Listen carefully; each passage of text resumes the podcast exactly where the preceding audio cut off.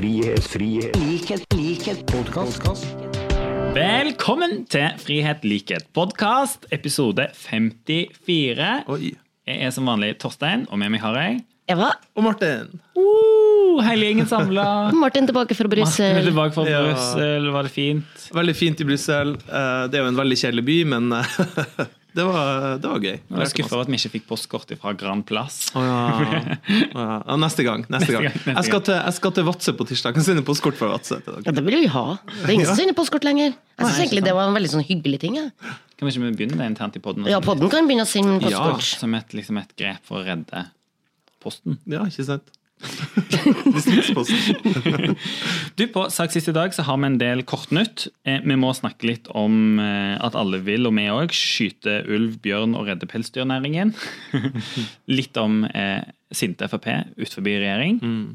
Og så har vi i tillegg invitert en gjest fra Frp. Ja. Sivert Bjørnstad. Livet utenfor. Livet utenfor. Sivert Bjørnstad, som er sitt finanskomiteen for Fremskrittspartiet, er trønder. Han er fra Trondheim, Trondheim. og han skal få lov til å snakke om livet utenfor fengselet.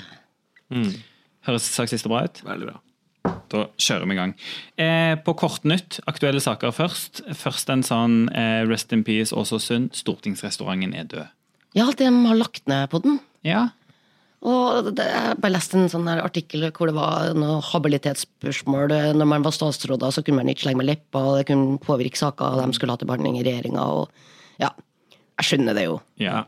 Altså, det skal utrolig lite til før de byråkratene i departementet begynner å bli veldig engstelige, og du faktisk blir inhabil som statsråd. Det vet jo både vi som har vært litt rådgivere i regjering, og sånn, Torstein, at det, den grensen er tynn. Så jeg skjønner at de gjør det, men det er jo synd, da. Det er jo Ja, det er Tina, litt trist, ja. Tina og Henrik og Altså, de var jo PC er en, en del av inspirasjonen for at vi startet denne podden. Ja. En del av inspirasjonen og irritasjonen for at vi starta egen. Men det blir jo interessant å se om det er noen i Høyre som starter en ny en, da. Ja, ikke sant. Kanskje vi stjeler Eller kanskje de har tatt de to gøye og putta dem i regjering, så har de ingen andre gøye. Ja, Kanskje vi stjeler litt lyttere fra de òg. Hvem vet. Yeah. Men en sånn breaking news som kom rett før vi satte oss ned nå, var at nå skal Krekar sendes ut. Ja, tenk deg det. Frp ut av regjeringa. Da, da sender vi Krekar til Italia. det, liksom. Jeg bare Creds og Monica Mæland som fikk gjort det på et par uker, det Frp ikke klarte på hva det er, seks og et halvt år, og hvor mange justisministre? Ja. Ja, en hel haug. Og endelig nå skal han, han skal til Italia, da. Ja. Så den er i hvert fall, det er i hvert fall ut av landet. ja. ja. Bedre vær. God mat i Italia, da. Vi får spørre Sivert hva han syns om, han syns om det. Du òg er kort, vi var jo ganske lenge innom USA forrige runde. Det eh, endte vel med ganske tett eh, sånn eh, close race mellom eh, Sanders og Buttigieg i Iowa. Nå vant eh, Sanders i natt i, eh, New i Hampshire. New Hampshire. Men den store spenningen er jo neste runde nå. South Carolina. Ja. Eh, og ikke minst hvordan det går med Biden der. Ja, han har jo sakka helt akterut, Han så veldig akterut. Ja. det kan jo hende at det endrer seg litt.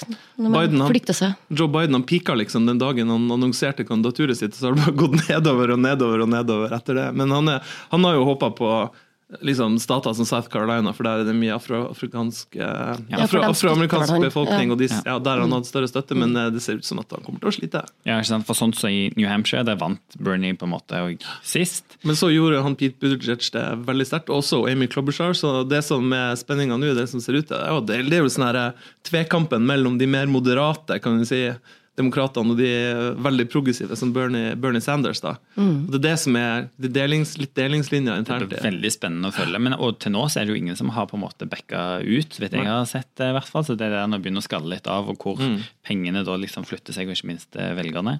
Og så er det jo veldig spennende, for jeg leste i dag også at uh, ble påminnet om at Bill Clinton, eksempel, han vant jo ingen av de hva det er, seks eller syv første statene. Så fikk han et uh, oppsving og vant noen stater. uh, sånn at uh, Det lå jo lenge an til at han ikke altså, skulle klare å vinne en nominasjon. Så, Så mye utholdenhet kan eh, kan lønne seg. Det kan lønne seg. Det kan Mye lønne kan seg. skje. Spennende. Du, så har jeg òg en sånn fun fact-nyhet, eh, rett og slett, som eh, handler om norske journalister. En liten sånn lite spark til de. For norske journalister klipper og limer fra pressemeldinger som aldri før. Visste dere at i 2011 så var det 58% av pressemeldinger som ble sendt ut, fikk medieomtale. I 20, eh, 2018 var det tallet økt til 80 Oi. Og de fleste medier oppgir ikke engang at det stammer fra en pressemelding. Så altså, jeg har tenkt det motsatte. Jeg. Jeg. Altså, herregud, gidd å sende pressemelding. Har jeg liksom, det er kjipt. Nei, men jeg har gjort det litt grann i den Nav-saken. Eller Ja. bare sendt ut noen meldinger til NTB, og sånn, og det har eh, fungert som bare juling. Ja. Jeg skjønner jo, De er jo pressa på tidligere, journalistene, men eh, vi har brukt å sagt det på sånne her mediekurs. Ja, så får ja, at det er bare tull. Tull med pressemeldinger. Men det her, det vil si vi skal bare peise ut pressemeldinger. Da klipper og lim inn. Og Martin, sist på Kortnytt, aktuelle saker. Vi må, Det er altfor lenge siden føler jeg vi har vært innom Rødt år nytt. Hva som har skjedd på fronten, på en måte. Ja, har det skjedd noe på Rødt? Ja, altså, det har i hvert fall gått ganske godt med emojisene, syns jeg. Ja. De har liksom, og de har blitt flere av de, de har formert seg. Og et større liksom, spenn. Du var jo litt Ja. kritisk til det i starten. Det så ut som en sånn sexforbryter fra 70-tallet. Første rødt hår-emoji med bart. Men så fikk jo òg Rødt Hår-kampen et lite sånn slag i baugen da når prins Harry nå har abdisert nesten og flytta til Canada og sånt. Ja. Det blir jo mindre rødt hår i Frontfiguren til- Frontfiguren, ja. For meg som er republikaner da, mot monarkiet, så var jo det bare en gledelig nyhet. Hvis det viser at eh, rødt hår, folk med rødt hår tar selvstendig egne avgjørelser. ja. Så han stakk til Canada skal leve av reklameinntektene på Er det en sånn dragning i røra folk har mot Canada? Er det en greie? Altså, jeg liker Canada, men uh, Nei, det men jeg ærlig innrømme at jeg ikke tenkte veldig nøye over det. Men, men dere, vi har faktisk òg en sånn, for kampen er ikke over. Okay. For, en, for dere som har fulgt litt med, da, så har det vært en veldig sånn heftig sosiale medier-sak nå i det siste. Og vi skal til Australia, da, så det er motsatt enn Ja en, en Canada. Og der er det da en brud på 24 år som skulle gifte seg, som da krevde at hennes kusine, som hadde langt, flott rødt hår, skulle farge håret eller bruke parykk, fordi rødt rød hårfarge ikke mat- matcha med brudepikekjolen som hun skulle ha. Du tuller med meg? Jeg tuller ikke.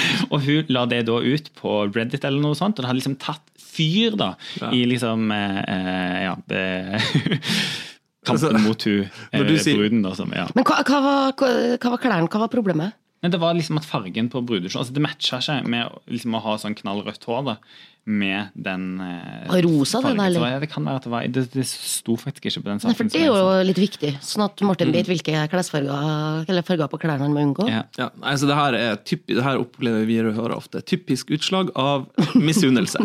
Ja. Hashtag, det det hashtag misunnelse. Mm. Ja, det er det. Men Altså, hva hadde du gjort i den settingen? Hadde du farga håret ditt, eller Nei. parykk? Nei. Ingen av det her håret her, det går til alt, nesten. Bortsett fra sånn oransje klær. Jeg kan ikke gå med så veldig mye røde og oransje klær på meg, for da ser jeg ut som bare en sånn lang Eller, eller, eller jeg kan heller ikke gå med en sånn helt hvit dress, for da ser jeg bare ut som en sånn gigantisk fyrstikk. Men eh, ellers så Altså, har jo, apropos fyrstikk, jeg har faktisk sett bilder av den perioden du hadde afro. Ja, det er veldig bra. Nei, bare for å si det, jeg syns rødt hår er så flott. Mm. Eh, og langt rødt hår, det er jo en gave.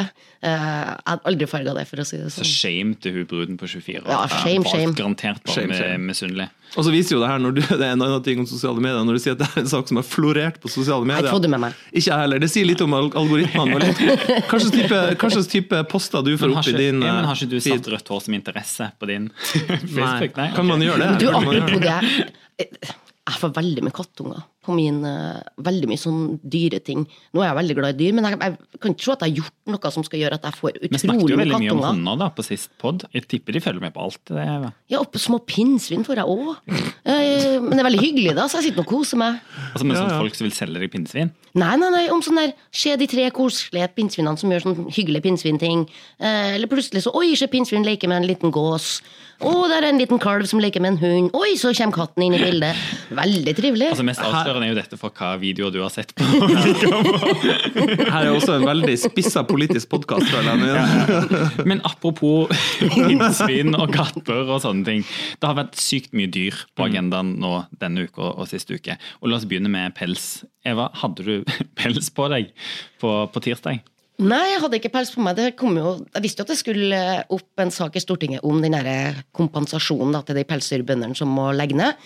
Eh, Men eh, ingen visste jo når vi dro på jobb den morgenen at Frp hadde inngått et eh, forlik eller blitt enig med regjeringa med et forslag som faktisk gjør at de skal bli skikkelig kompensert, de som må legge ned. Så det var en gledelig dag for mange av pelsdyrbøndene. I Trøndelag så var det veldig mange som var veldig glad. Det er, Trøndelag og Rogaland har jo virkelig vært altså, det er der veldig mange av disse bøndene bor. I Mm. Ja. Rogaland så er det mye sånn minkoppdrett. Jeg vet ikke hos dere er det mye Begge deler. det, er, det er mange ja. revebønder òg i Trøndelag. Eh, Men det var en gledens dag for, eh, for de folkene. Eh, Når du blir liksom tvunget til å legge ned ei drift som har vært lovlig i alle de år, og plutselig så blir den forbudt. Og det er jo den fasen liksom, diskusjonen nå har vært i. på en måte Vedtaket var det liksom Venstre som egentlig fikk gjennom da i regjering at man skulle legge ned næringen, og så har diskusjonen da vært hvordan skal man kompensere det. Og den ordningen som regjeringen egentlig la fram var veldig dårlig og gjorde at enkeltbønder liksom hadde tap på millioner. da, Hadde liksom gått konkurs pga. investeringer de hadde gjort på noe som egentlig var på en måte helt greit og lovlig. Så nå fikk en endelig Ja, det var i hvert fall eh, god stemning eh, i går blant de der pelsdyrbøndene. Det er noen som er liksom bekymra for om eh, hvordan blir dette fulgt opp, blir det så bra som de sier. Jeg skjønner jo at man er bekymra når man har blitt liksom holdt på pinebenken eh, siden juni i fjor. Så skjønner jeg jo at de er bekymra. liksom, ja. Nei, de tror det ikke helt, men det må nå bare Stortinget følge med på. Men jeg syns det der var bra. Og litt, jeg har lyst til å gi litt kred faktisk til Frp som har pressa regjeringa, men kanskje aller mest da til i de pelsdyrbøndene som har eh, lobba så hardt og jobba så godt og har hatt så mye dyktige folk til å jobbe for seg. Eh, Så det her har vært en interessant runde. Ja, ikke sant? Nei, jeg er enig. Altså, her har eh, Fremskrittspartiet og mange av de representantene for Rogaland også, sånn som Roy Steffensen, har jobba veldig hardt liksom, for eh, Rogalandsbøndene og, og sånne type ting. Så det syns jeg faktisk de har vært flinke og for alvor òg brukt denne trusselen. For det var jo sånn da, Mm. at Frp og det var jo det nesten endte med at De stemte jo for Arbeiderpartiet og Senterpartiet sitt forslag, og det hadde det jo vært flertall for om ikke regjeringen òg ble med. Som også Ja. er liksom full kompensasjon. Full kompensasjon. ja. Ja, så det, sånn, det er jo det vi kunne ha tenkt oss at, at vi hadde på en måte pressa regjeringa i senk. Eh, Men Frp valgte å gjøre det på den måten, og det skjønner jeg jo, for de har jo vært en del av den regjeringa. Og son, søker jo mot regjeringa, selvsagt. Så, men det ble som det ble. Ja. Men det blir bra for bøndene, tror jeg. Ja, ikke sant? skulle nesten bare mangle når du har politisk vedtak om å legge ned hele næring. Så uh, at vi skal kompensere det, syns jeg bare mangler. Det blir ikke- jo spennende hvordan Trondheim Arbeiderparti skal kompensere når man skal legge ned oljenæringa fra 2030. Jeg, jeg, jeg venter med i Rogaland spent på tiltaksplanen. Ja, det var jo et eh, Sikkert for mange syns at det var et oppsiktsvekkende vedtak. Eh, Jeg var ikke for den beslutninga som ble fatta. Jeg er ikke for at man skal legge ned oljenæringa og liksom sette en sluttdato og nå er det over. Eh, Alle skjønner jo at den næringa vil få det tøffe fremover, og at den etter hvert må fases ut. Det er jo på en måte, det skjønner alle sammen, men det er noe om hvordan man gjør det. Men i Trøndelag så er nok stemninga litt annerledes enn det er i Trondheim, da. Ja. I dag har du blitt innstilt som leder i Rogaland Arbeiderparti. Så her er Hæ? det er kanskje en kamp da, mellom Nei, det visste ikke jeg! Nei, det kommer nettopp. Ja, Nei, så gøy! det kan du bra. Åh, vi får en fylkesleder i poden! Ja. Veldig bra. Plutselig så må vi legge ned den òg. Ja. Ja, jeg gleder meg veldig. Du bruker, kommer du bruke bare som sånn talerstol for Rogalands interesser her. Men du, på disse, disse andre dyrene, der har vi ikke vært like fornøyd med regjeringen. Det har vært et sånn rovviltforlik. Det har ikke regjeringen fulgt opp. Og, Og nå nå- springer det rundt med bjørner og ulver og Jeg det det. Spiser små barn. Nå skal Arbeiderpartiet skyte mer ulv, er liksom det som er overskrifta. Ja, Jeg, jeg har vært borte, jeg har vært i utlandet. Og jeg, altså, jeg- hvorfor skal vi skyte mer ulv? Det er, jeg er jo liksom på linja liksom, la, la elva leve, la ulven Det er en sånn evig diskusjon det der om man følger rovdyr, eh, rå- rovdyrforliket eller ikke. Eh, og her, i den, saken som er konkret her, da, er at rovviltnemndene har villet tatt ut en del dyr i to sånne flokker. Eh, og så har departementet sagt nei. Eh, og så på en måte har det trigga en diskusjon i Stortinget. Eh, og her mener Arbeiderpartiet at rovviltforliket må følges, og da innebærer det at faktisk flere ulv skal skytes. Men det der er stor uenighet om. Eh, sånn at det er en krevende sak, men for de fylkene som er veldig berørt, så er man veldig opptatt av det. Det handler jo litt, litt om hvilke argumenter eh, og faginstanser en skal liksom vektlegge til, til syvende og Ja, det er kjempevanskelige kjempevanskelig spørsmål, det er, og det er høyt konfliktnivå eh, i de sakene der. De som på en måte mener at vi skal ha flere ulv, og de som mener at nå er trykket for høyt. Mm. og det samme gjelder også bjørn. Sant? I Trøndelag, der jeg kommer fra, så er bjørn et kjempeproblem for veldig mange. Mm. Spiser mye sau. Ja, glad i sau, ja. Ja. Nei, og Det er jo det som har vært viktig i denne saken òg, å presisere for regjeringen, som ikke har vært like ivrig da, på å følge opp det forliket, og si liksom at her, skjerp dere. Nei, og vi har jo også en, I den komiteen jeg sitter, i en riksrevisjonsrapport som sier det at uh, rovviltforliket ikke nødvendigvis blir fulgt opp på riktig måte. Mm. Uh, og at rovviltnemndene ikke liksom, får gjennomslag for sine klare råd. Da. Men Er det sånn nå at vi kan få støtte fra Fremskrittspartiet da, for å skyte mer ulv mot regjeringa? Ja, det kan hende. Yes. Ja, for Martin, du har merka deg litt det.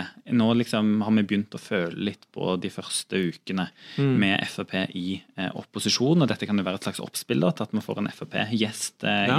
nå, nå snart. Men eh, du syns Frp virker litt sinte på regjeringen? De er jo det. De er ting de selv satt og, når de selv satt og styrte, syns var helt greit. De ble kjempesinte på regjeringa. Sånn Fergeopprøret, særlig liksom Romsdal og Nordland og sånn. Der var jo han eh, Jon Georg Dale da han var samferdselsminister, sa nei, tvert nei. Det her var fylkene sin egen feil, det må de ordne opp i sjøl. Og nå skal de ha staten med på å ta ned eh, fergeprisene. På klima i dag i spørretimen så utfordra hun, eh, hun Siv Jensen Erna Solberg på eh, klima at går, det går for fort fram. Det, vi har satt for store mål uten å vite konsekvenser for næringsliv og bedrifter. Eh, og Erna måtte stå liksom, skolerett og svare på sinte. Og Jon Georg gikk opp og var sint på klima. Her går det for fort, og vi gjør for mye. Eh, så de er liksom både sånn her de, Ja, og så hadde vi pelssaken som vi snakket litt om. Ikke sant? Der de, den der, den der, de, de de, satt de hadde jo egentlig vært med på den Ja. løsningen med kompensasjon, og så plutselig kommer de opp Ja, de hadde jo vært med på den, Ja, ja. eh, selv om det var jo u- mange i Frp som var frustrert. eh, Og det var mange også i Høyre som var frustrert. Mm. Eh, Men likevel så sto regjeringa på det. Jeg skjønner ikke hvorfor de egentlig ikke ga etter i den saken tidligere. Mm. Eh, Men jeg tenker jo litt sånn nå Nå har vi sett dem litt grann i aksjon etter vi fikk en ny regjering og de gikk ut av regjeringa. At tror, jeg tror mange syns det var veldig spennende, og nå kommer de til å klare å lage flertall som Arbeiderpartiet, og de må påføre regjeringa nederlag. Jeg tror faktisk eh, at de kommer til å gå inn i flere sånne forlik eh, med regjeringa, sånn som de gjorde i pelsdyrsaken. Eh, Og i mange, på, i mange spørsmål så vil jo det si å dra politikken mot, enda mer mot høyre, altså enda mer blå politikk. Eh, ikke det at Arbeiderpartiet nødvendigvis klarer å få med Frp på våre ting, men at de kommer til å skal presse regjeringa i blå retning. Og det er bekymringsfullt for landet, da.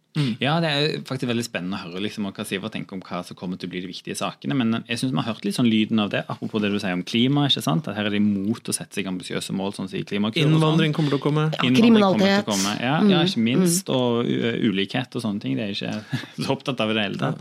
Og spørsmålet- Og perspektivmeldingen og hele det sulamitten som kommer. Ja, så er spørsmålet Hvilken dynamikk det skaper i, i Stortinget. Ja. For Regjeringa sier jo det i alle sammenhenger, de skal gå til Fremskrittspartiet først. Men i går så hørte jeg på et sånn, en sånn klimadebatt at da sa jo statssekretæren i, i eh, Klima- og, og miljødepartementet at uh, klima var kanskje en sånn sak der ja, de skulle selvfølgelig snakke med Frp først, men der det var mer naturlig å se til Arbeiderpartiet og liksom var veldig interessert i hva Arbeiderpartiet ville mene om Og de skal ikke drive mye med slalåm før de får Frp i det er akkurat det. Og spørsmålet, og spørsmålet nå når Frp, Frp gikk ut av upopulær regjering for å bli mer populær for å kunne komme inn i regjering igjen. Men hva er, hva er liksom er, er det her, er, liksom, Hvor mye politisk teater er det, og hvor mye reelt eh, er det fra, fra Fremskrittspartiets side? Altså, hvor mye har de egentlig avtalt på bakrommet med, Ja. eh, med regjeringa? Så det, her, det er jo mye, er jo mye altså, eh, Skal vi falle for fristelsen å kalle Frp litt hyklersk når ting de syntes var helt greit for tre uker siden, nå er helt forferdelig? Eller skal vi eh, Det er som forventa. Jeg er ikke overraska. Men du kan gjerne kalle det hyklersk, for det kan jo oppfattes litt sånn, ja. Men utgangspunktet er jo at det flytter jo litt sånn dynamikken. For hva skjer på målingene nå, når Frp på en måte er, er hykleriske og gjør som de gjør og går litt opp på målingene? Jo, da går Senterpartiet litt ned, og hva skjer da? Plutselig så kommer det Senterpartikritikk av Arbeiderpartiet. ja. ja. Hva var det Trygve var ute og Nei, det er litt sånn rar industri- og klimakritikk. At en skulle ta Arbeiderpartiet på industri og klima fordi at man kunne ikke drive klimapolitikk bare med skam. Og så er det sånn, Akkurat som noen har ment det. Det- Ja, nei, de har hevet seg, Senterpartiet har hevet seg Er det noen som er for industri, så er det Arbeiderpartiet. Ja, ja, ja. Ja, og jeg tror sant, Det viktige, smarteste for oss er jo å kjøre fram på en måte god politikk og gode forslag. Og så forstår jeg liksom at eh, de kommer til å være litt stressa nå i Senterpartiet. for der Det er høyt stressnivå. Ja, for for man har hatt liksom eh, den der populistrollen alene ganske Ja, ikke sant? med Frp i regjering, men nå er jo Frp Og målingene rene nå har liksom vist at både Arbeiderpartiet henter tilbake velgere, Frp henter tilbake velgere. Det er kun Høyre som på en måte fortsatt, fortsatt, fortsatt blør. Så jeg, kommer, jeg tror en kommer til å se flere sånne typer angrep. Men jeg, altså, min tanke er at jeg tror ikke det er smart av oss da, å hive oss inn i kampen Nei. på den måten. Eller Men- krangelen, da. Men jeg kunne tenke meg å ta en skikkelig diskusjon med Senterpartiet og Frp forresten på, når det gjelder klima. De, de prøver å få det framstille som at klima det handler om liksom by mot distrikt. Eh, Og det mener jeg er sånn her, eh, ja, Hvis vi gjør alt galt i politikken, at det er liksom distriktene og de med lav, eh, lav inntekt som må betale for alt, da har vi jo gjort klimapolitikk på en helt flere måte, og det er ingen i Arbeiderpartiet som, eller andre partier forhåpentligvis som ønsker det. Men hvis, hvis Senterpartiet har lyst til å lage seg en motsetning mellom by og distrikt på klima, så er de med å polarisere eh, og gjøre debatten unødig. Ja, de gjør jo det i alle saker. Ja, de alt, gjør det. alt handler om eh, at eh, distriktene taper, og at det er sentralisering. eh, Og så slenger man på en liten dose EØS, så er det Men komplett. Skik en skikkelig god klima- og energipolitikk for eksempel, kan være en fordel for distriktene. Energiforsyning i distrikter, for eksempel, hvis du får opp mer Det er det de forsøker i Nord-Norge nå. på å få lavere energiforbruk, putte, putte opp litt, eh, litt eh, solceller og, og vindkraft, og sånn, sånn at eh, du får bedre forsyningssikkerhet og slipper å bruke mange milliarder for på å oppruste, oppruste nettet. Kjempefordel for distriktskommuner. Og kan vi, vi kan legge inn masse innsats der. Som er bra, det er bra for distriktet, bra for klimaet. Det handler ikke om Ja, vi kan gjøre masse som gir vekst i distriktene, faktisk. Ja, det kan vi. Havvind. Vi kan uh, satse på elfly i Nord-Norge, som er helt fantastisk kult. Som jeg aldri kommer til å tørre å ta.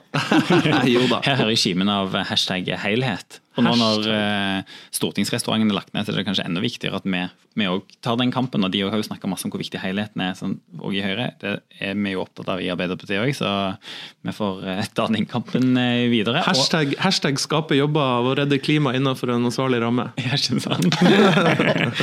det, det her er et valgkampslagord i ja, det kommer til å slå an. Ja, ja. Men eh, jeg, nå er jeg veldig spent på om gjesten vår snart eh, trår inn, eh, trår inn døren og alle de spørsmålene vi skal stille han. Snart kommer Siver. Frihet, frihet, likhet, likhet, Podcast. Da har vi fått besøk av dagens gjest. Velkommen, FrPs Sivert Bjørnstad i finanskomiteen. Tusen hjertelig takk. Du, nå, jeg sier at nå sitter Eva her og smiler litt ekstra, for hun er veldig stolt over at du kommer på besøk nå. For du er den første gjesten Eva har booka. Ja, faktisk. Jeg er helt ubrukelig. Jeg er veldig dårlig på sånn praktisk organisering av denne podkasten. Så det er liksom Torstein og Martin som gjør alt arbeidet. Så jeg var veldig stolt når, du, når jeg fikk ordna deg, Sivert, og du svarte ja. Så Men, det var, men er det det at du ikke spør folk, eller er det at alle takker nei til deg? Nei, nei, nei, jeg bare spør ikke. Eh, Jeg er rett og slett jeg har litt mye å gjøre, så jeg liksom får meg ikke til å spørre. Men eh, nå gjorde jeg det. Men da har du 100 suksessrate. fram til. Ja. Ja, ja, ja, ja. Og hvordan føles det å være liksom Evas foretrukne? Ja, det er jo klart at det er Evas foretrukne FRP, trønder-FRP-er, som den eneste også, så Nei, det føles veldig godt å, å være her. Ja, Altså. ja, ja, ja, ja. Så bra. Du, vi har jo invitert deg for å snakke litt om Frexit. Det var det det ble? ikke sant? Det, var det, Det ble hashtag ja, hashtag. Frexit, ja. hashtag eh, Frexit. Og den nye situasjonen som nå er blitt i i, i- Stortinget. Men først, liksom sånn, eh, hvordan er, er stemningen nå i det, dette nye, nye Frp-landet? Nei, Stemninga så langt er, er veldig bra, men også litt sånn avventende. fordi nå har det gått et par uker, og vi vet jo ennå ikke helt hvordan formen på det her blir. Eh, Vi prøver jo også å ha et eh, ok forhold med, med regjeringa, selvfølgelig. Og det er jo ikke sånn at vi bare kan viske ut seks og et halvt års historie fra, fra vår regjeringsdeltakelse heller. Så det, vi er nok inne i en sånn fase hvor vi prøver å, å se litt hvordan vi skal gjøre det her. da. Men stemninga er god, eh, og det var jo litt som å slippe kyrne ut på beite. Ja, det var det. var vårslepp da vi gikk ut. Og, Og de første dagene? Det var helt ellevilt. Det var veldig artig for oss andre her på Stortinget, for det var jo det ene utspillet etter det andre. Det var liksom fjøset løst. Ja. Eh, Men nå har mor kommet tilbake, så nå er det litt orden, vel. ja da, eh, det, det var tillatt to-tre dager med alle slags mulige utspill om hva som skulle Men det var det reverseres. vinduet før ja. liksom Siv Jensen egentlig kom tilbake til Stortinget? Ja, det var mens hun rydda kontoret i Finansdepartementet, så kunne vi andre bare dyse ut og si hva vi ville, men nå er Siv tilbake, og da er det orden i rekka. Ja, jeg ikke å Hadde du noe utspill i det, i det vinduet? Eh, jeg hadde et utspill om eh, bioteknologi, Ja. eh, og at nå var det muligheter å skape et annet flertall på Stortinget for bl.a. eggdonasjon og litt sånne saker. Ja, ja, ja. ja, ja, ja. Men som Eva, Eva har sagt det der før, nå er, nå er mor til, tilbake. Men hvordan har det òg vært litt sånn praktisk i, i stortingsgruppa? Og altså, Det var jo noen onde tunger som ville ha det til at du som var fraksjonsleder i finanskomiteen, ble tilsidesatt. Mm. Noen av disse viktige tidligere statsrådene kom, til, kom ja, tilbake. Så, og det, så jeg, det var jo Tone Sofie Aglen også som skrev en kommentar om det, tror jeg, at eh, det er mange eksempler på at statsråder har kommet tilbake og på en måte fortrengt dem som har hatt posisjoner i stortingsgruppa. Men jeg tror jo vi også som sitter her, skjønner at altså er du nestleder i et parti, så skal du ha, skal du ha posisjon. eh, og sånn er det nå bare. Vi, vi er jo ikke her på på faste, faste kontrakter, noen av oss, og vi må tilpasse oss den situasjonen som er til enhver tid. Men eh, jeg tror det går seg mer og mer til, og at folk begynner å finne, finne posisjonene sine. Ja, ja. Og, og andre på det praktiske og sånt òg, når det er ingen svarte biler, ja, mye færre folk altså, på Siv, gruppemøter. Siv kjøpte seg jo en e-golf et par dager etter Frexit, eh, og så skulle hun komme på konstituerende gruppemøte. Det var ikke bare bare, fordi det har jo skjedd ting i Oslo sentrum Ja, etter at hun har kjørt bil De siste seks årene. De siste seks årene, så hun klarte rett og slett ikke å finne stortingsgarasjen i rimelig tid. så hun Nei, kom jeg antar hun kjørte ulovlig, for det er helt. Ja. umulig å komme fram til garasjen her egentlig på lovlig vis. Ja. Ellers er det jo Ellers er det jo altså Andre praktiske forskjeller er jo at vi må Må jobbe mer nå. Ja. Jo, men det er sant. Altså, Ja. at Man må gjøre mer sjøl. Eller man må jobbe på en annen måte også. Tidligere så er det jo sånn at før vi har en debatt i salen eh, i, i våre egne komiteer, så får vi jo det som heter flak oversendt fra regjeringa. Talepunkter, Q&A, bakgrunn for saken. Ja. Nå må vi lage det sjøl. Ja, det, men det var jo stress for oss etter eh, Ja. ganske mange år i regjering. Og plutselig måtte ikke ha noen å støtte seg på. Må drive all utredning sjøl, finne ut alt på egen hånd, skrive alt sjøl. Det er ikke noe Q&A, men det var også litt frihet da, mm. over det. Og Ja. å få de jævla talepunktene Ja. som du skal forholde deg til. At du kan liksom lage dine egne. Mer reinhårig og bruke din egen retorikk. Ikke sant? eh, At det er regjeringas retorikk. Ja. Men sånn, altså, nå er dere jo mye færre folk. Nå har du ikke alle disse liksom, statssekretærene og alt det der apparatet. Altså, sånn, I hvert fall Hos Arbeiderpartiet da, så er det på en måte en helt bord som forsvinner på en måte på gruppemøtene av liksom, folk som er der og passer liksom, på fra, fra regjeringsapparatet. Føles det som en lettelse, eller er det liksom mer arbeid, liksom? Eh, nei, altså Litt sånn både og og verken eller, egentlig. Det, vi er de samme som sitter rundt bordet, men alle de som satt bak oss. Ja, ja. Eh, og som eh, så ut som de kjeda seg fryktelig under gruppemøtene. de er nå, vet du, de det er tror jeg nå, du har helt rett i, de er ja. nå bort. Men, eh, men vi som sitter rundt bordet og tar avgjørelsene, er jo de samme. og og jeg merker jo også at sånn som Siv er, hun er mer engasjert i gruppemøtene nå. Eh, fordi nå handler det mer om å finne vår egen strategi, ikke bare følge regjeringas opplegg. Ja. og på en måte eh, Flertallet var mye viktigere før enn, enn hva det er nå. da. Mm. Eh, så nå Sjøl om vi skal, skal være eh, ok venner med regjeringa fortsatt, så, er det, så har vi større handlingsrom. og Da, da blir strategien vi legger i gruppa, viktigere også. Mm. Men jeg kjenner jo jeg litt misunnelig, Sivert, det må jeg bare innrømme. For dere er jo i opposisjon, men egentlig med en enormt stor innflytelse. Mm. Fordi at dere, regjeringa, må jo ha et støtteparti i Stortinget, og det er jo dere. Og tro meg, vi har lært av KrF og Venstre de siste årene, Ja. altså, før de gikk inn i regjering. For er det det som står øverst på PowerPoint? Ja. Ikke gjør som KrF, liksom? Ikke havne ikke Ja. dritten i midten? Ja, nettopp. Eh, altså KrF tror jeg gjorde mye feil, da. Eh, I hvert fall etter at Venstre gikk inn i regjering. Men, eh, men vi husker jo veldig godt hvordan de pressa oss da det var bare vi og Høyre som satt i regjering.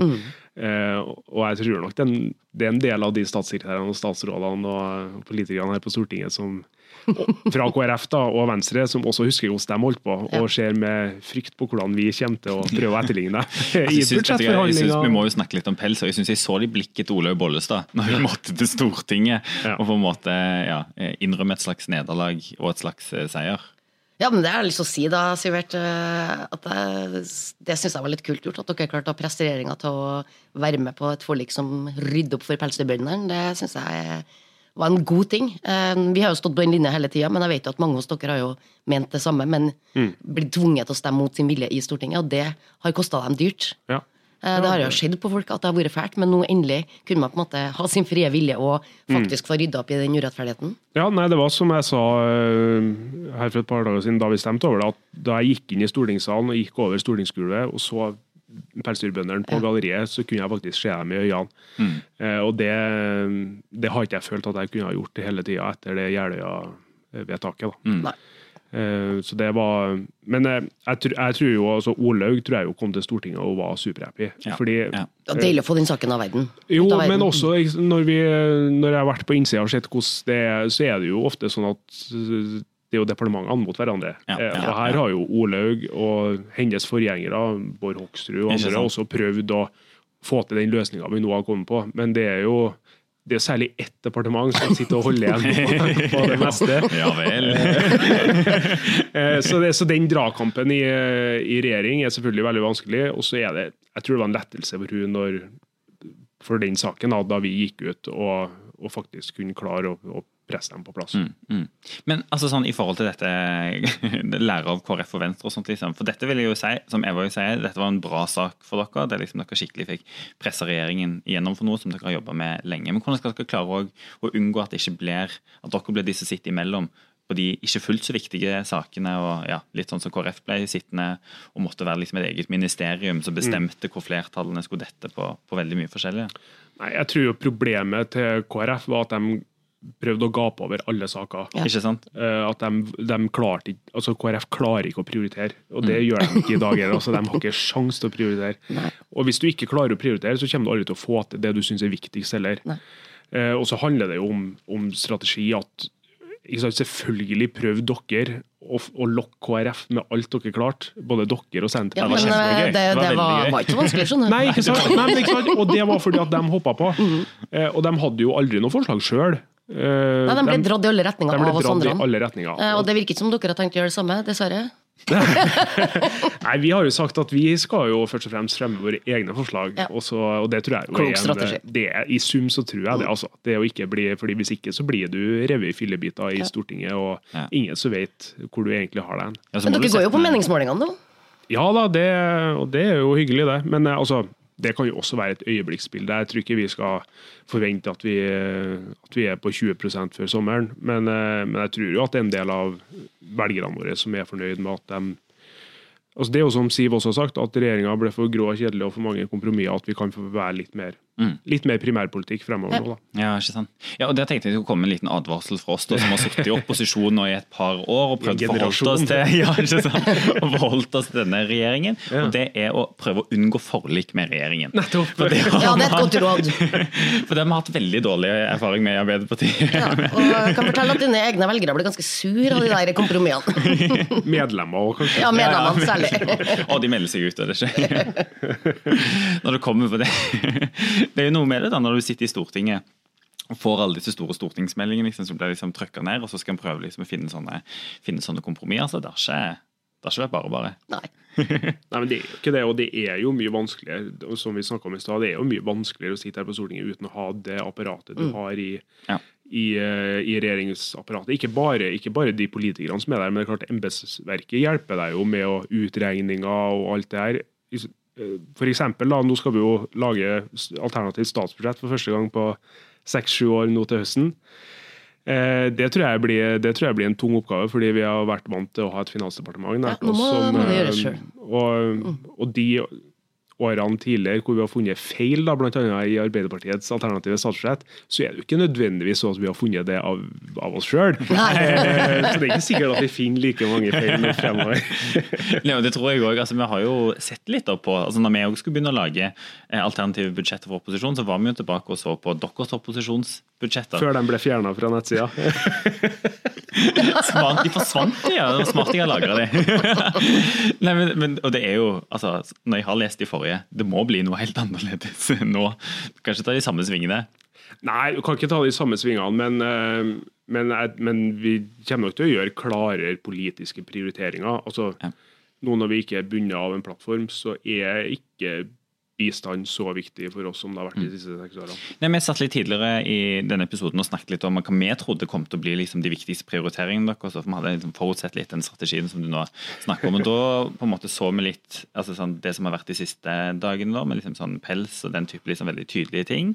Eh, og eh, merker oss spørretimen med liksom løfter opp en sånn skepsis mot eh, klima og sånt. liksom i Erna i, i, i, eh, og, og Siv i en liten sånn eh, kollisjon. med sånn, hvordan ser, Hva tror du, da, eller hva, hva tenker du kommer til å være disse liksom, viktige prioriterte sakene og områdene for dere? Nei, altså, jeg, jeg, jeg tror jo det Igjen, da, det handler jo om å være gjenkjennelig. Eh, og det handler om eh, Altså, vi er et samferdselsparti eh, som ønsker å, ønsker å bygge landet gjennom bevilgninger til, til vei og bane og sjø. Og så er det ikke veldig mange skatte- og avgiftslettepartier igjen i, i Norge. Også, også Høyre, mener vi, da, har blitt eh, dratt for langt til venstre på, eh, når det gjelder skatter og avgifter. Så selv om handlingsrommet blir mindre i årene fremover, så må vi klare å skape det handlingsrommet for å fortsatt gi Så det er tilbake til kjernen, liksom? ja, jeg, jeg jeg tror det altså, ja. Jo, men jeg, jo, men jeg tror det er det det handler om, og det var det KrF brant seg på da de satt i den posisjonen vi, vi er i nå, og at de ikke var gjenkjennelige. Ja. Så det er det det handler om, er rett og slett å Men det som blir gøy nå, er jo, er jo at eh, forhandlingene rundt statsbudsjettet skjer i Stortinget. Mm. Eh, At nå er jeg tilbake til finanskomiteen, og det er der det skal skje. Så det blir jo veldig artig for deg, da. Ja, ja, ja, nå blir fristene brutt igjen.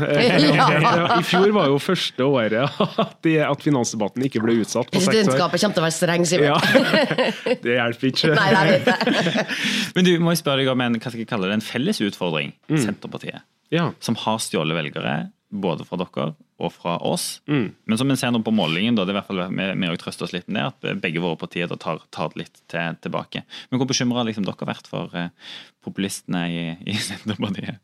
Nei, altså jo, det er jo ikke noe det er ikke noe tvil om at vi har vært bekymra for at de tar velgere. Jeg er mindre bekymra på lang sikt. Jeg tror, jeg tror, det er et stemningsbilde akkurat nå, altså i noen år. da. Mm. Jeg tror ikke det er en, en, langvarig forandring, fordi alle megatrendene på en måte tar det mot Senterpartiets sak, tror jeg. Men så treffer de en nerve akkurat, akkurat nå. Men det, selvfølgelig så er det jo deiligere å se Senterpartiet på 14 enn på 20. Mm. Uh, Der er vi enige. Der er vi enige. og Trygve og, og Marit Arnstad sier jo at de er så bekymra nå for denne nedgangen på meningsmålingene. og sånn. Jeg tror vel egentlig ikke at de er det. Nei. Jeg tror de er litt spent på hvordan tida fremover blir. Mm. Ja, Det er vi òg. Veldig. Det var utrolig gøy at du hadde tid til å stikke innom og gi oss litt fra innsiden. Fra og Hansen vil si at hennes første gjest leverte varer. enig, enig. Du skal bli bookingansvarlig. du, Vi kjører jo sånn Gerhardsen ungdom-stil, så vi har alltid på siste eventuelt. Om det er noen som har noe på eventuelt. Er ikke noe. Ingenting? Nei. Nei, nei. Men da høres vi igjen plutselig. Ha det.